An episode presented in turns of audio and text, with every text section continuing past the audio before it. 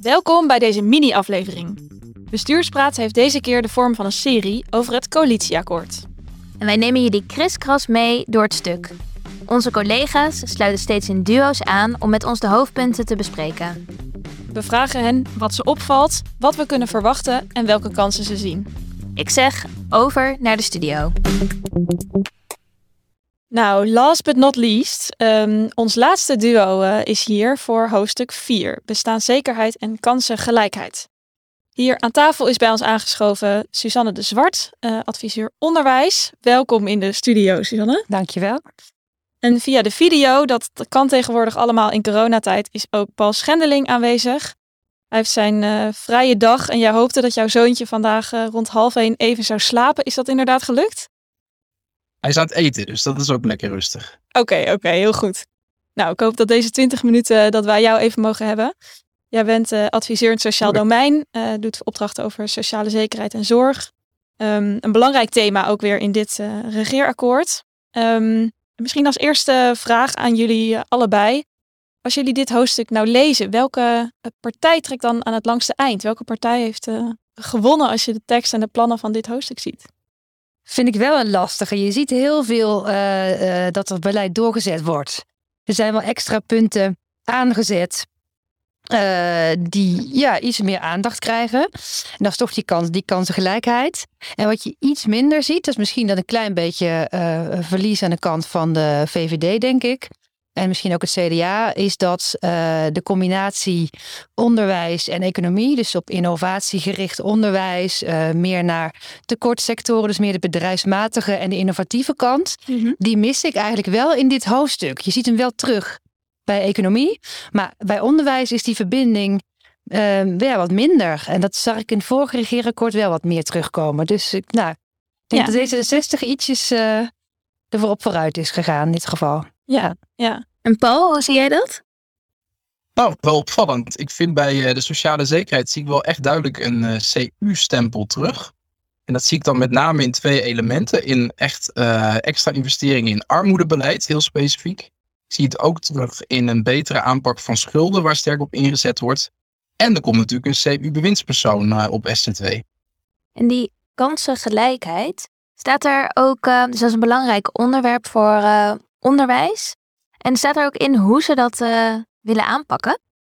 Ja, uiteindelijk is zo de volle breedte. Dus ook in het sociaal domein. het is een breed onderwerp hè, die eigenlijk alle sectoren raakt. En in het onderwijs wordt er veel ingezet op uh, voor- en vroegschoolse educatie. Dus het gaat breder dan onderwijs. Kinderopvang oh ja. zit daarin. Uh, maar het gaat met name ook om toegankelijkheid van het onderwijs te vergroten op alle vlakken. Dus ook de doorstroomagenda. Dus dat je sneller kan doorstromen naar het HBO bijvoorbeeld. Dus daar zitten ook wel uh, investeringen op.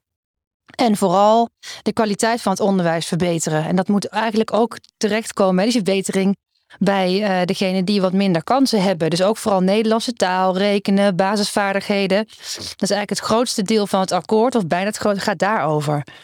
Dus dat is wel een hele belangrijke. En hoe plaats je dat? Dus dat, uh, dat die kansengelijkheid zo belangrijk is, hoe plaats je dat in de ontwikkelingen die je nou ja, in de bredere context van ja, de, in Nederland ziet? Nou, we zien, wij, wij, wij evalueren zelf uh, vanuit Berenschot nu dat uh, Nationaal Programma Onderwijs. Mm. Dus al die miljarden die het onderwijs yeah. ingegaan zijn. Uh, en nou ja, wij spreken heel veel instellingen ook natuurlijk daarover. En je ziet dat door corona natuurlijk die, die, die, ongelijkheid wat groter, of tenminste wat zichtbaarder is geworden eigenlijk. Maar ook groter is geworden misschien. Dus je ziet ook dat het, dat het beleid wel wat meer ook aangepast is op basis van ja, de, de, de, de huidige situatie. En dat is, dat is wel één die, die belangrijk is. Uh, bijvoorbeeld uh, het leerkrachten die nu afhaken. Uh, wat ze willen doen is meer proberen de leerkrachten voor scholen in kansarmere wijken, om dat aantrekkelijker te maken om daar te gaan werken. Ja. En dat, daar zie je nu de problemen ook wel komen. Dus daar wordt ook wel aandacht aan besteed in dit regeerakkoord. Ja. Ja, een ander onderdeel in dit hoofdstuk is, gaat meer over arbeidsmarkt en inkomen. En er staat dat uh, de regering een groot aantal, um, uh, nee, sorry, een aantal grote hervormingen in de arbeidsmarkt wil doorvoeren, uh, die de bestaanszekerheid van lage middelinkomens versterkt. Hoe kijk jij daar tegenaan, Paul, vanuit jouw ervaring en expertise? Ik heb daar in 2015 een rapport over geschreven, in opdracht van een wetenschappelijk instituut voor een politieke middenpartij. En ik zie eigenlijk nu in het regeerakkoord voor het eerst die aanbevelingen die toen heel breed werden gedaan. Want ik weet dat toen de AWVN ook uh, soortgelijke aanbevelingen hebben gedaan. Daarnaast de commissie Borstap geweest, waar ook heel veel van dit soort aanbevelingen in stonden. En nu zie je dan eindelijk, een jaar of zes later, dat echt heel breed die uh, aanbevelingen zijn omarmd. Mhm. Ehm, als ik de twee hoofdpunten eruit zou moeten pikken, zou ik zeggen, nou, het verschil tussen vast en flex wordt uh, kleiner gemaakt. En het tweede hoofdpunt is dat er eindelijk ook een soort basisverzekering voor ZZP'ers uh, gaat komen, voor, uh, voor arbeidsongeschiktheid. Ja. Dat zijn dingen waar al lang om wordt gevraagd. En daarnaast wordt het ook nog wel ietsje verbreed. En ik denk dat als je gewoon in euro's gaat kijken van waar nou in de sociale zekerheid het meeste geld voor wordt uitgetrokken, dat is voor de verhoging van het minimumloon. En dat is natuurlijk wel ook weer in relatie tot het bredere vraagstuk van uh, armoede. Het is natuurlijk ja, met afstand het belangrijkste dat als de mensen die werken, dat ze dan voldoende overhouden. En daar is die vrij forse verhoging van het minimumloon echt wel een duidelijk uh, statement, waar ook echt veel geld uh, voor wordt uitgetrokken. Ja. En als je dat koppelt, uh, nou met die kansengelijkheid, uh, Suzanne, hoe zie je dat dan? Nou, het matcht wel. Je ziet wel dat die Ja, agenda doorgetrokken is. Ja. Ja. zeker. En dat is ook wel eentje die wel prettig eh, samenkomt in, in meerdere domeinen. Dus dat thema is best goed uitgewerkt eh, in het regeerakkoord, vind ik hoor. Ik, ik zie ook wel een paar dingen die ontbreken. Die, Ja. Waarvan ik denk van nou, daar kan, daar kan nog wel een, een uitvoeringsslag eh, eh, op. Maar op dit thema zie je wel dat er, dat er een, een mix aan maatregelen is die wel opgeteld gezien eh, moeten gaan werken, verwacht ik. Ja. En herken jij dat ook, Paul? Is dat op zich, Ja. die sociale zekerheid, dat dat best goed is uitgewerkt op dat thema? Ja, ik denk echt dus als je kijkt eh, vanuit het oogpunt ook van armoede en eh, de kans om ja, in armoede te raken zoveel mogelijk verkleinen. dan is die verhoging van het WML wel heel effectief, moet ik zeggen, omdat ook de bijstandsnorm gekoppeld is aan de verhoging van het minimumloon. Dus dat betekent eigenlijk dat alle minima er ook echt fors op vooruit zullen gaan. En eh, dat is natuurlijk een van de doelstellingen van het kabinet. Heel specifiek willen ze ook bijvoorbeeld heel graag het aantal kinderen in armoede halveren. Mhm. Ik denk dat daar meer beleid voor nodig is en ongetwijfeld ook meer beleid voor zal komen. Maar dan is het natuurlijk een fantastische eerste stap als je de uitkeringen van eh, bijvoorbeeld eh, alleenstaande ouders in de bijstand eh, verhoogt. Ja. En zijn er dan ook in, in dat opzicht dingen die je mist in dit regeerakkoord, waarvan jij denkt, nou, als ik hierover zou gaan, als het mijn hoofdstuk was, dan had ik dat absoluut erin gezet. En het is een grote misser dat dat er niet in staat? Ja, de- er mist op inhoud best veel. Dat is ook wel een beetje de algemene kritiek op het Ja, regeerakkoord. Eh, er wordt heel veel geld uitgetrokken, maar het is niet heel inhoudelijk eh, heel rijk. En dat is, ja, eerlijk gezegd, in het sociaal domein ook wel zo. Ik vind eigenlijk op alle drie de grote thema's, eh, participatie, WMO en jeugd, is het een heel beleidsarm regeerakkoord. Ja, en dan om eventjes bij de participatie te blijven, omdat we het daar nu over hebben. Wat ik echt een gemiste kans vind, is het uitbouwen van de dienstverlening voor mensen met een arbeidsbeperking. Mhm. Het is duidelijk gebleken dat dat toch een beetje de zwakke plek in de participatiewet is. Dus voor de, ja, de mensen die echt niet mee kunnen komen, is er nieuw beschut sinds 2015. Eh, voor de mensen die eh, gemakkelijk aan de slag komen, lukt dat ook. Maar voor die tussengroep daartussenin, dus de mensen die na een goed traject aan het werk kunnen, ehm, daar blijkt duidelijk dat voor hun de uitstroom achterblijft. Ook achterblijft bij de verwachtingen van het ministerie. En ik had echt verwacht dat daar ook wat voor eh, gedaan zou worden. Suzanne zit hier eh, te knikken. Je bent het eens? Ja, ik ben het eens. Maar ik zie ook wel, ook wel wat gaten aan de kant van het onderwijs hoor. Waar nog wel wat. eh, het is heel erg gericht op de basis op orde brengen. En op zich is dat een no-regret maatregel. Hè? Dat je gaat echt om rekenen, taal, toegankelijkheid. Dus daar zie je ook onderwerpen waar je ook niet tegen kan zijn. Maar er zijn ook wel eh, punten waar instellingen niet, waar ze denken, nou jammer dat dat er niet in staat of expliciet in staat. En dat gaat met name om het leven lang ontwikkelen. Dus tekortsectoren bedienen door volwassenen ook eh, blijvend op te leiden. eh, en, die, eh, en die arbeidsmarkt laten, laten aantrekken. Daar heeft onderwijs een hele belangrijke positie in. Dus dat is wel, wordt wel een beetje genoemd, maar niet, ik denk niet voldoende. Dus daar wordt ook wel, ja, daar wordt ook wel wat van gezegd vanuit die sectoren. En dat is wel, wel een gemiste kans, vind ik. En het risico, dat blijft, dat het lerarentekort is zo groot. Er wordt heel veel op geïnvesteerd ook. Eh, maar de maatregelen die erbij staan, zijn ook wel, die waren er ook al wel. Uh, en de vraag is of dat gaat helpen. Want je kan deze kwaliteitsverbetering ook alleen maar doen als daar docenten zijn die dat, uh, die dat op zich kunnen nemen natuurlijk. Dus daar zit wel ook wel een moeilijke, een moeilijke plek, denk ik. Zo opvallend hè Meerte? Paul en Suzanne zijn ons laatste gesprek. En eigenlijk is dit nou ja, echt de rode draad van alle gesprekken. Dus het, wel mooie beloftes en soms zelfs nou ja, bekrachtiging van, uh, van goede eerdere ideeën. Maar dat de uitvoering of de uitwerking echt heel beperkt is. Ja. Wat kunnen we daarvan verwachten, denken jullie, bijvoorbeeld Paul, komende tijd? Want, want dan worden die plannen verder natuurlijk uitgewerkt. Uh, breder besproken dan alleen in de coalitie. Je komt in de Kamer terecht, de plannen. Wat, uh, ja, hoe, hoe kijk je daar tegenaan? Nou, op zich, omdat de plannen nog niet uh, zo ver zijn uitgewerkt, dat heeft uh, ja, meerdere redenen. Een van de redenen is natuurlijk dat het beloofd was om met een regeerakkoord op hoofdlijnen te komen. Een andere reden is natuurlijk dat dit nieuwe kabinet geen meerderheid in de Eerste Kamer heeft. En dat het dus ook weinig zin heeft om dingen al helemaal in detail uit te werken. Want als je dan straks in de Eerste Kamer geen meerderheid hebt, dan heb je er helemaal niks aan. Dus wat ik verwacht, en ik, in dat opzicht wil ik het kabinet zeker het voordeel van de twijfel geven, is dat de vakministers echt aan de slag gaan om de nou ja, de uitgangspunten die op hoofdlijn in het regeerakkoord staan goed uit te werken. En dan op zo'n manier uit te werken dat er meerderheden zijn in zowel Tweede als Eerste Kamer. En dat is natuurlijk best een hele opgave. Maar wel precies ja, wat zogenaamd volgens de nieuwe bestuurscultuur belangrijk is. Met meer dualisme, dus ook met meer inspraak vanuit de beide kamers. En dus jij brengt een wat genuanceerder geluid. Dat is wel goed aan het einde van deze serie, denk ik. En zie je daar voor jezelf ook nog een rol in die verdere uitwerking? Van de plannen? Nou, het, het, het is zo, ik, dat heeft ooit een keer uh, op consultie.nl gestaan, dat Berenschot de hofleverancier is van uh, rapporten aan de Tweede Kamer. Uh, dat betekent natuurlijk ook kans dat je met goede evaluaties en met goede aanbevelingen dus ook echt kans maakt om uh, die verzilverd te zien. Omdat dit regeerakkoord gewoon minder dichtgetimmerd is dan andere regeerakkoorden. En ik zie eerlijk gezegd zelfs ook al gewoon in het regeerakkoord heel specifieke elementen terug die wij in eerder onderzoek zelf naar boven hebben gehaald. Ik denk bijvoorbeeld ja, aan het verbeteren je? van het uh, schuldhulpstelsel.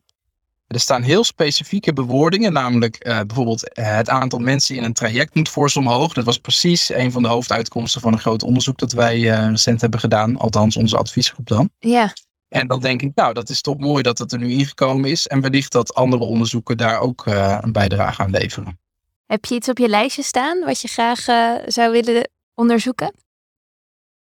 Nou, er zijn nog wel twee hete hangijzers die eigenlijk wel bij het sociaal domein horen, maar meer aan de zorgkant zitten. Laat ik er eentje uitpakken. Um, bij de jeugdzorg um, gaan alle gesprekken over geld. en uh, uh, omdat er in het regeerakkoord 500 miljoen uh, een uitname uit extra middelen zit. Ik zeg het heel genuanceerd. het is eigenlijk geen bezuiniging, maar een uitname uit extra middelen. Um, en op mijn verlanglijstje, of in ieder geval verlanglijstje voor een betere jeugdzorg, laat ik het echt puur op inhoud uh, stellen, zou zijn dat we ook echt gaan kijken naar de verstoppingen in het systeem. En het systeem is echt op diverse punten verstopt. Aan de voorkant uh, zijn er wachtlijsten voor verschillende typen jeugdzorg. Maar ook als ik zelf analyseer hoe weinig uitstroom er uit jeugdzorg is, dan constateer ik, nou, de uitstroom is zo laag dat de doorlooptijden zijn eigenlijk ook veel te lang. Dus eigenlijk binnen het hele systeem is ook een verstopping gaande. En ik denk dat beleid daarop maken zou echt heel mooi zijn. En een van de rode draden ook uit de gesprekken is dat er ja, veel meer wordt gecentraliseerd. Zie jij daarvoor ook een kans uh, ja, bij dit jeugdzorgstelsel? Nou, daar, daar zit bijvoorbeeld um, voor de ja, voorzieningen die beschikbaar moeten zijn, wordt het dan genoemd. Dat zijn specialistische jeugdhulpvoorzieningen. Daar is inderdaad een regionaliseringstendens. Dus daar worden dan straks verplicht regionale afspraken over gemaakt. Dat past een klein beetje in die tendens. Het is overigens niet zo ver als het veld had gehoopt. Dus er zijn al heel lang stemmen in het veld om de jeugd GGZ gewoon weer volledig te centraliseren. Daar kiest dit kabinet niet voor.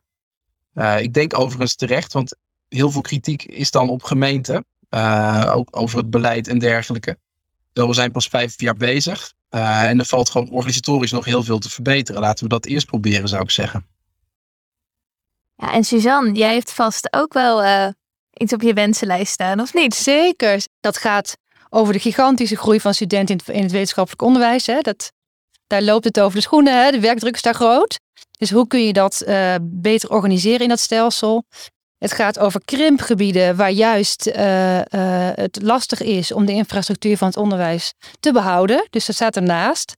En dat is meer op het op de primair onderwijs, voorste onderwijs, maar ook het MBO en het HBO krimpen al in heel grote delen van Nederland. Wat hou je daar overeind? Hetzelfde verhaal als met ziekenhuizen uh, eigenlijk hè? en met zorg en andere faciliteiten. Wat hou je nou in die gebieden wel en niet overeind? En dat komt omdat mensen uit die gebieden wegtrekken? Weg zijn, maar ook gewoon minder mensen wonen. En je wilt toch keuzes hebben voor jongeren om, uh, om alle studies te kunnen kiezen op een redelijke afstand. En dat is wel een stelselvraag die, waar toch ook een, een, visie op moet komen op den duur. En die, dat knelt al wel. En daar zie je weinig keuze. En ik kan me voorstellen dat dat ook, dus ook deels politiek, dat daar wel uh, de komende jaren uh, nou, meer stappen in, in worden gezet. En passend onderwijs. Dat, dat is een beetje in, in de buurt waar, uh, waar Paul het over heeft. Uh, de schotten tussen onderwijs, uh, speciaal onderwijs, jeugdhulp enzovoorts. Daar, daar zitten nog een heleboel schotten.